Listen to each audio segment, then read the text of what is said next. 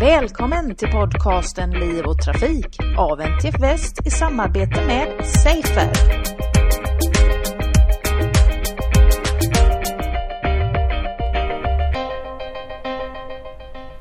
Liv och Trafikpodden står nu här med två stycken representanter från Folksam. Jag har Helena Stigson här som är trafiksäkerhetsforskare och Stina Wern som är produktutvecklare. Välkomna till podden!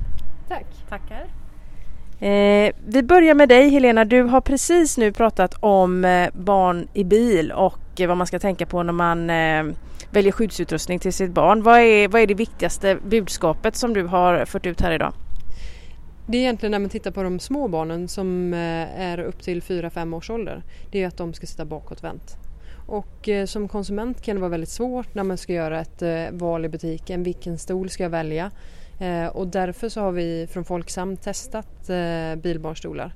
Så vi har gått igenom 17 stycken där vi har tittat på vilken eh, som ger störst möjlighet att ha den så länge som möjligt.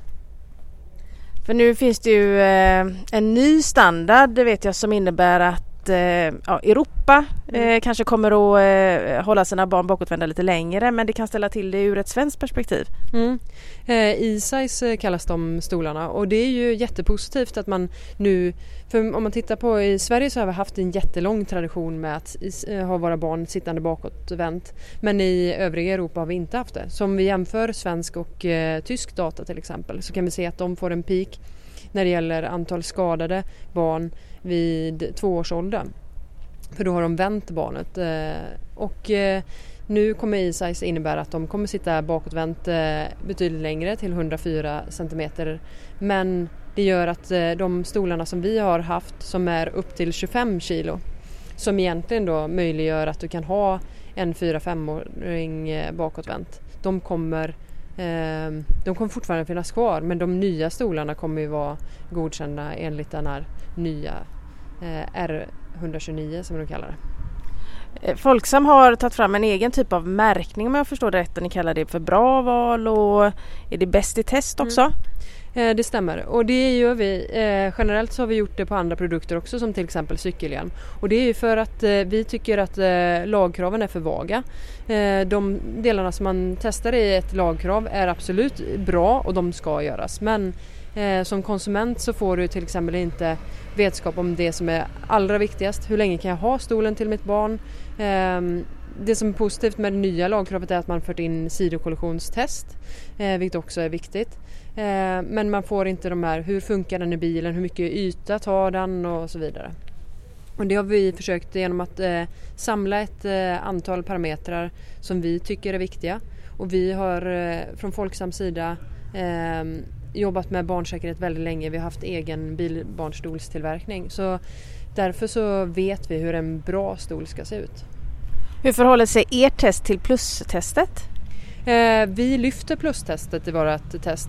Vi gör inga fysiska krocktester av våra stolar utan eh, det vi gör är att vi tittar på, vi sätter in den i, i eh, en, en bil, det, vi använder en V70 som är en normal bil som man använder för småbarnsföräldrar. Och, och, där, eh, och anledningen att vi just valt den, vi skulle kunna valt en mindre bil också men vi ville bara ställa dem i relation till varandra. Och vi mäter till exempel en sån del som man aldrig skulle få reda på. Hur mycket utrymme tar den om jag sätter den i baksätet? Hur mycket plats blir kvar i framsätet? Och sådana aspekter som är viktiga när man ska använda stolen. Vad ska man tänka på när det kommer till airbag? Mm. Det där är en fråga som eh, blir mer och mer eh, aktuell. Eh, vi vet ju när det gäller bakåtvänt eh, åkande så ska man absolut inte sätta ett barn framför den. Eh, för det innebär en livsfara. Däremot så har airbag-tekniken också utvecklats och där har vi nu samlat hela bilindustrin återigen tillsammans med eh, myndigheter och eh, intresseorganisationer och organisationer som Folksam till exempel. För att driva på att vi ska ha en gemensam rekommendation hur vi gör med de större barnen. Vad jag förstår, om du är ett större barn som sitter på kudde så kan du inte ha en airbag heller men det kan å andra sidan kanske ställa till det lite i och med att bältet och hur det reagerar på en krock ändå är anpassat för att samspela med airbagen. Mm. Förstår du vad jag, vad jag menar, vad jag är ute efter i min fråga? Absolut, och det där är just eh, lite problematiskt just nu. För att vi hade, om man tittar eh, runt eh, mitten 2000-tal så fick vi nya typer av airbags som var tvåstegs airbags som var eh, som vi hoppades på var lite mildare än de amerikanska första airbag-typen. Nu har det kommit, eh, nu har utvecklingen gått även ett steg eh, vidare. Det beror på hur man viker den, var någonstans den monteras och så vidare. Eh, och vissa tester visar att man till och med skulle ha en positiv effekt om man var ett barn. Men där måste varje biltillverkare gå och göra egna tester för att vi ska kunna gå ut med en sån rekommendation. Men Volvo till exempel som också ingår i Safer-nätet eh, de gör väldigt mycket på det här just nu och eh, kommer eh, ändra sin rekommendation. Okej, eh, nu gör vi ett eh, tvärtkast här till eh, ett annat ämne som ni frontar här på konferensen som är hur man bättre kan hålla hastigheten i sin bil. Och eh, du Helena har varit forskningsledare i ett projekt som heter Grönt ljus. Mm, det stämmer. Eh, det var för ett eh, antal år sedan där vi tittade på eh, hur kan man få bilister att hålla hastigheten. Vi har hört det flera gånger under dagen att eh, en av de viktigaste parametrarna för att vi ska nå eh, en halvering till 2020 eh, innebär att vi måste få bilister att hålla hastigheten. Och vi kopplade samman försäkringen och sa att man kunde få rabatt på sin försäkring om man höll hastigheten. Och till hjälp så fick man eh, återkoppling i bilen. Och då kunde vi se i vårt forskningsprojekt där vi hade en, eh, en test och en kontroll, klassiskt eh, forskningsförsök där de i testgruppen hade återkoppling och de andra mätte vi bara. När vi jämförde dem så kunde vi se att vi halverade andelen fortkörning. Och eh, ju högre hastighetsöverträdelse desto bättre resultat. Och det här gjorde att eh, vi såklart ville, eh, för det blev väldigt, även positivt eh, från de som ingick i försöket. Och då ville vi ta fram en eh, ny produkt. Och det är det som eh, min kollega Stina har jobbat väldigt mycket med.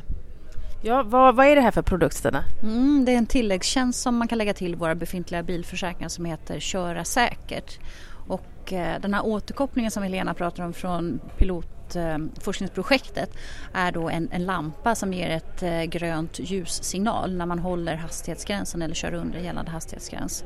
Sen höjs den och om man kör lite över så visar den ett gult sken och kör man ännu mer över så visar den ett rött sken. Och tanken är då att den här eh, lampan ska tilltala reptilhjärnan och få den som, för att, som kör direkt att lätta på gasen så fort man, mm, den blinkar gult. Eh, och det här är, tanken då att det ska ge eh, en lägre försäkringspremie? Mm, vi vill premiera, premiera de som eh, håller hastighetsgränsen och det gör vi genom Eh, en rabattmöjlighet upp till 20 procent. Så att eh, Köra säkert består av, vi får ta del av kördata från bilen och det hämtar vi från vår samarbetspartner Telia Sense som gör eh, att man mäter då hur fort bilen körs i förhållande till gällande hastighetsgräns. Så skickar Folksam ut en indikator som är en hjälplampa som lyser och eh, om man kör då enligt gällande hastighetsgräns så kan man få upp till 20% rabatt. Och man får också feedback och statistik i, i den här appen där man kan kommunicera till föraren. Och när kommer detta vara en reell möjlighet att använda sig av? Ja, det kommer snart. Vi har inte riktigt lanserat det ännu men, men det är på snart ingång. Hur många liv förväntas ni kunna rädda med det här i och med att folk börjar hålla hastigheten? Har ni någon sån uppskattning? Eh, om man räknar på det som vi tog fram från eh, piloten då visar vi genom att eh, använda forskningsresultat från eh, andra studier där man har tittat på hastighetssänkningar eh, på vägar och då skulle det innebära, en omräkning i det hela skulle innebära 40 till 60 liv. Och Folksam, ni är först ut med den här eh, tanken eller har ni inspirerats någonstans ifrån? Finns det här i något annat land eller hur, eh, hur kom ni på den här fyndiga produkten? Generellt så finns ju liknande produkter när man tar in eh, kördata eh, ifrån bilen. Eh, det är populärt i till exempel eh, England på grund av att man har en väldigt hög försäkringspremie där. Men det är ingen som har kopplat det till en körhastighet tidigare.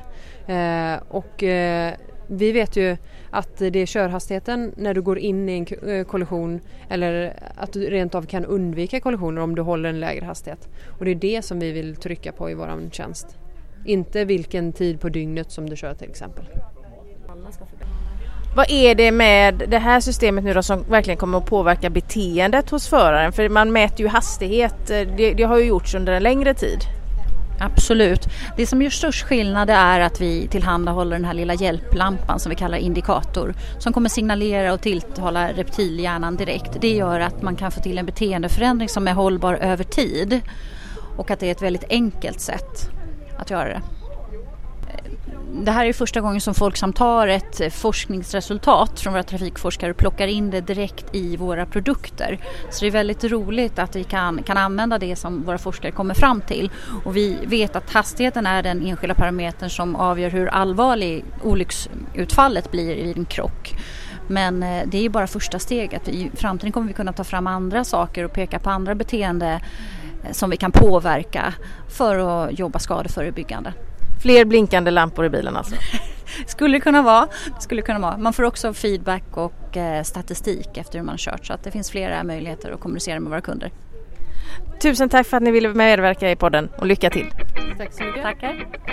Det var allt från Liv och Trafik för denna gång. Jag heter Angela Elvård och tack för att ni har lyssnat.